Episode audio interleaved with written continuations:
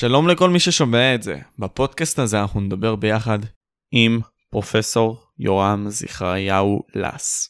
יורם הוא הפרופסור בפקולטה לרפואה באוניברסיטת תל אביב, בחוג לפיזיולוגיה ופרמקולוגיה. את שירותיו בצה"ל עשה כרופא צבאי בגדוד 50, והגיע אפילו לדרגת רב סרן. בשנות ה-80 התפרסם כשהנחה לצד יעל דן את התוכנית הטלוויזיה תצפית, ששודרה בערוץ הראשון ועסקה בחידושים בתחום המדע. בנוסף לכל היה חבר כנסת לשעבר מטעם מפלגת העבודה, ומנכ"ל לשעבר של משרד הבריאות. היום הוא ידוע יותר בפרשנות שלו, שיש להגיד שערורייתית, בנושא נגיף הקורונה. בפודקאסט זה דיברנו על האם באמת יש אמת אובייקטיבית כלשהי? דיברנו על התרופה אייברמקטין, ולבסוף דיברנו על ממשלות ובעצם ארגונים אשר אולי מנצלות אותנו האנשים הפשוטים? כל זאת ועוד בפודקאסט. אז זהו, זה בעיקרון חברים. תעקבו אחרי הפודקאסט בכל הרשתות החברתיות. תודה רבה שאתם צופים, ובואו נתחיל.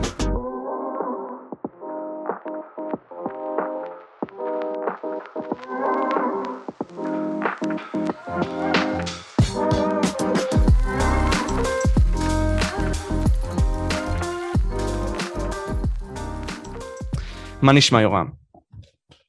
הכל טוב.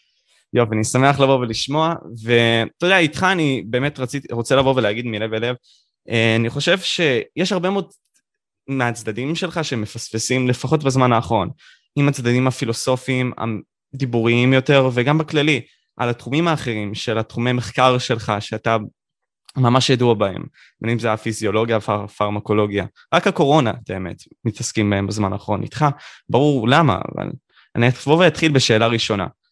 האם אתה מפחד מהמוות? שלך, בכללי. אה, מאוד. מאוד, מפני ש...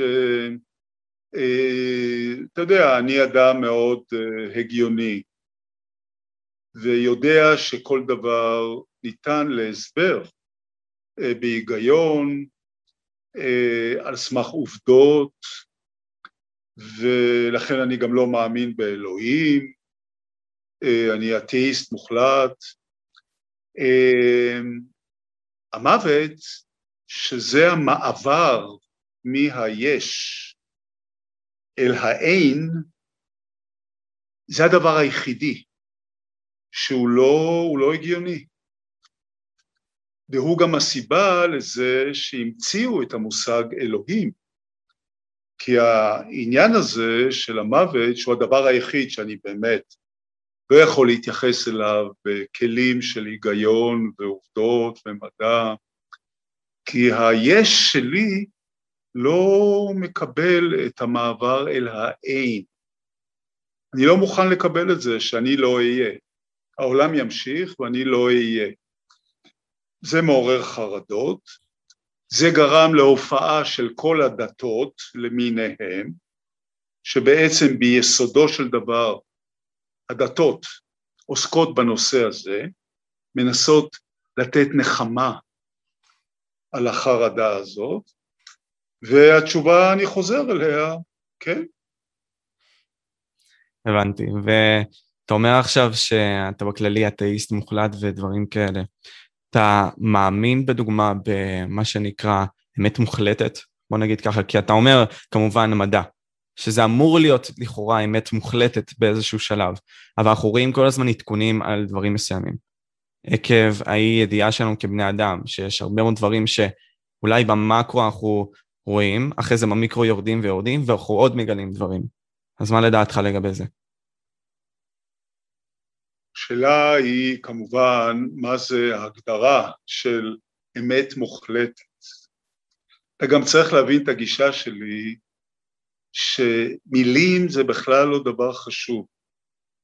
מילים זה כלים, כמו פלייר, שאנחנו משתמשים, אין לנו כלי, כלים אחרים, כדי להעביר אה, מידע אחד לשני, אבל מאחורי כל מילה יש איזושהי משמעות שהיא לא לגמרי ניתנת להגדרה במילים. משמעות עמוקה יותר. ולכן כשאתה אומר לי מוחלט, מה זה מוחלט? מה אתה מתכוון במוחלט? והואיל ואין לדברים האלה תשובה, כי במדע ובכלל, על כל שאלה תיתן תשובה, אבל התשובה תעורר עוד שאלה. אתה רואה? אמרת לי אמת מוחלטת, שאלתי אותך מה זה מוחלטת? נו תגיד לי מה... אם, אם נגיד אנחנו נבוא ונתייחס לזה בצורה יותר אה, ברורה, נגיד, אני רואה עכשיו את המים, אני יודע שהם יישארו מים, הם לא אהבו והפכו עכשיו לאבן. כי אני יודע שהבסיס שלהם זה H2O, והוא יבוא ויישאר ככה כל הזמן, כל עוד לא יבוא ויקרה לו משהו, והוא יהיה מים בריכוז שלו. בסדר, בסדר, אבל, אבל אתה משתמש במילה מים, כאשר מאחורי המילה הזאת יש מים, שזה לא מילה, okay. אוקיי. שזה לא מילה, נכון? נכון. ברוח הדברים שלך, אני בהחלט מאמין באמת המוחלטת, יש עובדות שבעיקר העובדות שלא קשורות לקיומה, לקיומו של המין האנושי. זאת אומרת, תאר לך למשל, תבוא, יש דבר שנקרא, זה הכל uh, בהגזמות ובקיצוניות, יש דבר שנקרא פצצת ניטרון. Okay. אוקיי. זה פצצת אטום, אבל שהיא מייצרת קרינה. היא לא מייצרת הרס. אז יבואו יבוא בני אדם וישמידו אחד את השני, מה שזה בהחלט אפשרי, על ידי פצצת ניטרון, שתעשה קרינה כל כך חזקה, שכל בני האדם יושמדו. לא יהיו בני אדם. אבל ברור לי שבמצב הזה, המים שדיברת עליהם ימשיכו להיות. יהיו מים. לא תהיה המילה מים, כי מי, המילה מים זה כבר המצאה של אה, בני אדם, אבל עצם מה, ש, מה שאתה יודע, הפילוסופים היווניים דיברו, הם אמרו, אפלטון שציטט את סוקרטס, הם אמרו, אני לא מדבר על השולחן, אני מדבר על השולחניות. אז המים יהיו, זו אמת מוחלטת. כל מה שקיים בלי קשר לקיומם של בני אדם, זה בוודאי אמת מוחלטת. לקיומם של בני אדם קשורים מושגים שבני אדם המציאו. מילים, אלוהים, דמיונות, פחד מקורונה, כל הדברים האלה הם במה שנקרא, אני לא משתמש במילה נפש, כי הנפש לא קיימת, אבל הם נמצאים בתוך אה, מעגלי העצבים, אני לא נכנס לפרטים, שיש לנו בראש, ושם אני מוכן לומר שזה לא אמת מוחלטת. זה שונה מאדם לאדם, אבל לגבי דברים שקיימים גם אם לא יהיו בני אדם, ודאי שיש אמת מוחלטת, מעצם ההגדרה שהגדרתי. מדהים. אה, אני בהחלט יכול לבוא ולהסכים עם מה שאמרת בקטע הספציפי הזה, ודיברת גם עכשיו, אתה מציג דעה שונה משל כולם. תכלס, באמת, בוא נסתכל על זה ככה. ועצם העובדה הזאתי, והרבה מאוד אנשים באו וקראו לך גם, אני באתי וקראתי גם בכללי, אה, בן אדם עלוב, אה, פרובוקטיב, אה, הרבה מאוד דברים כאלה, מאמרים שבאו והוציאו עליך. אה, אז האם אתה חושב שמגיעה לך כל השנאה הזאת לכאורה, שבאה ונוצרת? לא, לא, אתה, אתה בתחום האישי עולה לגבי מה אני חש. נכון. זה לא חשוב. אתה יודע, היה שר, היה שר חוץ סובייטי, רוסי, בימים שעוד לא נולדת, בימים של סטלין ואחריו, סטלין שמעת אולי.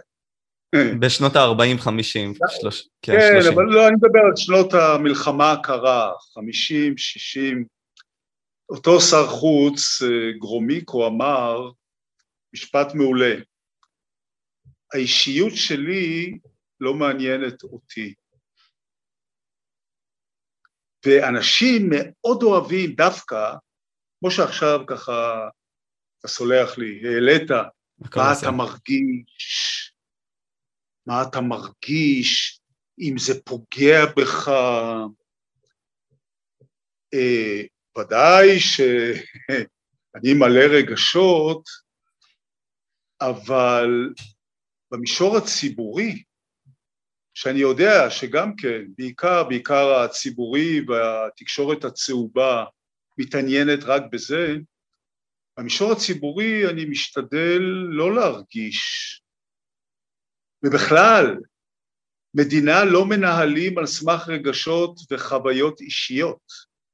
לכן אני מרבה כל הזמן להביא נתונים כלליים, מספרים, ניתוח הגיוני של המספרים. זה מה שאני עושה, זה מה שאני חושב שכך צריך לעשות. במישור הציבורי, אני לא מדבר על חיי האישיים, ולכן אה, חטפתי עלבונות במרכאות קשים יותר ממה שאתה מתאר, כולל איומים, אתה יודע, אנחנו נהרוג אותך עם מפתח שוודי. למה מפתח שוודי? כי אני תמיד מביא את שוודיה כדוגמה למדינה שהתנהגה הרבה יותר נכון מישראל. אז דברים מהסוג הזה, אני אבל לא, זה, זה, זה בשבילי, אני טפלון. המשימה יותר חשובה. ודאי. הבנתי. תשמע, עברתי מלחמות, הייתי בתוך מלחמות. במצב הכי קשה במלחמה אני נהיה הכי שקט. Mm. והכי רגוע. זה הדרך הנכונה. כי כשאתה מתחיל לתפ... לפעול ולתפעל תחת לחצים ופחדים, אתה עושה טעויות. אז uh, כל הדברים האלה ממש לא, לא נוגעים לי, למרות שהם נורא מעניינים, לא נוגעים לי. הבנתי. Uh, עכשיו מבחינת הקורונה עצמה אני אבוא ואתעסק בנושא שבאתי וראיתי. Uh, שמעת על האייברמקטין, נכון? על התרופה הזאת שיכולה לבוא ולטפל כן, בקורונה. כן, כן. אוקיי, אז שאלה לגבי זה, האם אתה חושב... זה אתה יודע, ש... תרופה, תרופה וטרינרית בעצם, כן. אז האייברמקטין, אה, הרי גם עכשיו הרבה מאוד מדינות שוקלות לבוא ולקחת אותו, נגיד זימבבואה, אני מבין שזו לא מדינת ה... אה, מדינות מעצמות, כן, אבל אה, היא לקחה את זה, והיא השתמשה בזה כבר עכשיו, יום, יום לפני. אז האם אתה חושב שזה באמת פתרון טוב לבוא ולהשתמש באייברמקטין בתור טיפול לתרופת הקורונה? אני לא, בדברים האלה, לא חושב. אני חושב על דברים שיש לי לגביהם כלים לחשוב. אבל לגבי השאלה שלך, אין לי נתונים.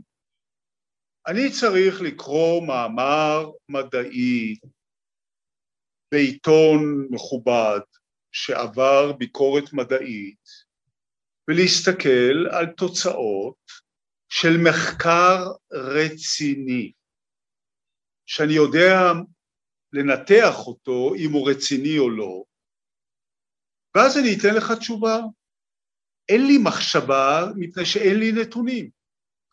כך שהתשובה שלי לשאלה שלך היא שלא ידוע לי על מחקר רציני שתומך בהשערה שהחומר הזה עוזר, ויש עוד עשרות חומרים שמסתובבו, הסתובבו, חלקם נשללו, לא הכל אני יודע, אתה יודע, יש גבול, כך שאין לי תשובה לשאלה שלך. הכל בסדר. אמ, אני אבוא ואז אמשיך לגבי הנושא הבא, לגבי הקורונה עצמה בארץ שלנו. אמ, אתה באת ודיברת על כך שבכללי, גם בנושאים האישיים שלך, שאין דבר כזה, לא היה גלים, לא היה גלים לקורונה בישראל. לא, אני... לא, לא, לא. אוקיי, לא, לא. אז תתקן אותי, תחדד אותי, תחדד אותי. לא היה גל ראשון. לא היה גל ראשון, אוקיי. גל שני אבל היה.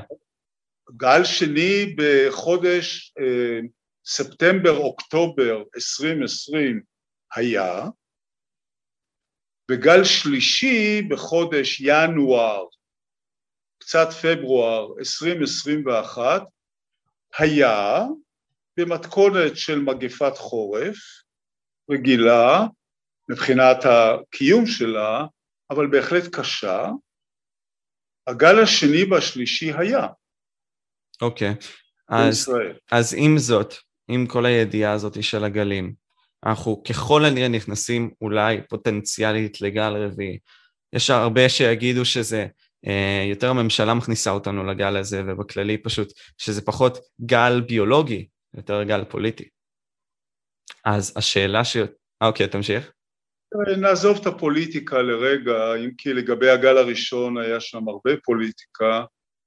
בשלב זה יש גל של בדיקות מיותרות. איפה okay. אוקיי. שלא תשלח ניידת, לאן שאתה רוצה, והניידת הזאת תעשה הרבה הרבה המון בדיקות באוכלוסייה שהיא לגמרי בריאה, אתה תמצא מאומתים, אתה תמצא חיוביים בבדיקה, ותוכל לרוץ לתקשורת ולהודיע שיש uh, התפרצות במקום שאליו שלחת את הניידת. הנגיף לא ניתן לעצירה בשום פנים ואופן, הנגיף מהסוג הזה, כמו נגיפים אחרים מהסוג הזה. הוא מפושט בכל הארץ, מדביק את כולם, ולהדבקה הזו אין שום משמעות. כמו שאין שום משמעות להדבקה מלאה או נרחבת מאוד בנגיפים אחרים. בגלל שאתה טורח בפעם הראשונה בהיסטוריה ועושה בדיקות המוניות באוכלוסייה בריאה לנגיף מסוים, לא היה דבר כזה מעולם, מי שמחפש מוצא, ומי שרוצה להפוך את מה שהוא מוצא לפחד, מצליח, וזה מה שקורה עכשיו. ואתה חושב שעצם ניצול הפחד הזה, זה גורם לכך ש... ואני עולה עכשיו שלב, כן? אה, ממשלות, חברות, אה, בוא נגיד ככה מונופול, מנצלות את החולשה של בני האדם למטרות האישיות שלהן? טוב, חברה זה לא דבר אישי, אתה יודע, לחברה יש בעלי מניות. אה, זה, לא, זה לא כל כך... הדברים האלה קיימים. וחברות התרופות לא רק שוב בנושא קורונה ככלל, יש להם את הטריקים הלגיטימי, אני מדגיש, לגיטימי מבחינתם, כדי לעורר פחד ממצב רפואי מסוים, כדי שיקנו את המוצר שלהם. אני אומר את זה באופן כללי והוא קיים בכל שטחי הרפואה. הוא קיים בכל שטחי הרפואה אה, וזה מתחיל להיות לא לגיטימי אם המוצר שלהם מתיימר לעזור, מתיימר לעזור, אבל לא באמת עוזר, ודברים כאלה הם לא חדשים. בנושא הקורונה, בשוליים אפשר להגיד את הדבר הזה, אבל זה לא הסיבה העיקרית למה שקורה. יש לי בעניין הזה הרצאה ארוכה ואני לא אעשה אותה עכשיו, אני אומר רק בכותרות, אנחנו גם מתקרבים לסיום, אין ספק שהקורונה היא אירוע ייחודי, שלא היה כמוהו בהיסטוריה של המגפות, וגם בהיסטוריה האנושית. למה? מה קרה? מה קרה עכשיו שלא קרה בשפעת החזירים ובשפעת הונג קונג ובשפעת האסייתית ושפעת העופות ו... ואני יכול להביא את המספרים, להראות שזה כללית באותו סדר גודל. מה קרה? אז אני אגיד לך רק בראשי פרקים, ולא נוכל להעריך כי כל דבר זה הרצאה. אחד, רשתות חברתיות ותקשורת אינטרנטית. לא היה דבר כזה בתולדות המגפות. ואז מה קורה? אישה בסין מסתובבת ונופלת על המדרכה. תוך עשר דקות כל העולם רואה את זה. עשר דקות, כל העולם רואה את זה וגם מדבר באותו זמן על אותו דבר. תמונות זוועה נקודתיות שלא מבטאות שום דבר אמיתי ביחס לתמונה הכללית, מופצות בבת אחת לכל העולם, כולם מדברים על זה באותו זמן, שיש לזה אפקט הגברה, אפקט הגברה עצום, זה נוחת על שולחן ראש הממשלה והופך למדיניות. נוכחות הרשתות, אחד. שניים,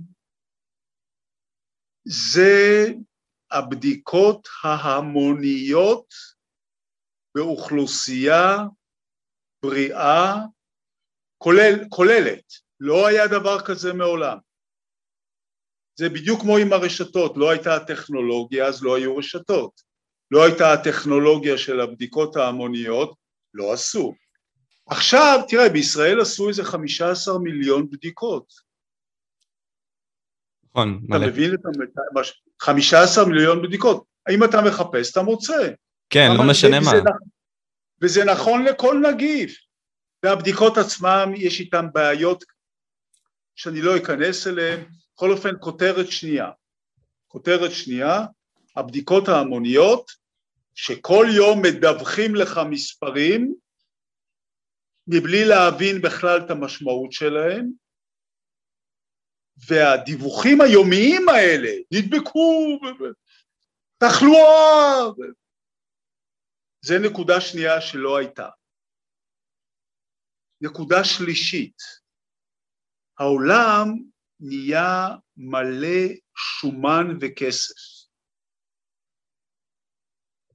העולם פעם היה רזה, אפילו מהדוגמה האחרונה של שפעת החזירים ב-2009, אותם אנשים ש... שהיום הצליחו לסגור את העולם, ניסו גם אז לסגור את העולם. אותם אנשים, אני לא מפרט את כל העבודות, ו... למה הם לא הצליחו ב-2009? כי ב-2008 היה משבר כלכלי עצום. משבר כלכלי עצום, שגרם לזה שהעולם ליקק את הפצעים שלו, הכלכליים, ולא היה קשוב למטורפים. ב-2020 העולם התמלא שומן. רק מדינת ישראל הקטנטנה שרפה, אתה יודע, לקחה גפרור ושרפה 200 מיליארד שקל. אתה תשלם אותם, אל תדאג, הכסף לא על העצים. אתה והנכדים שלך ישלמו את זה. אבל היה ממה לקחת. אז זה נקודה שלישית, שפשוט וישמן ישורון, מה שנקרא, ו... ונקודה רביעית שהיא מיוחדת לישראל, שבחודש מרץ היה אינטרס פוליטי, להגביר את ההפחדה.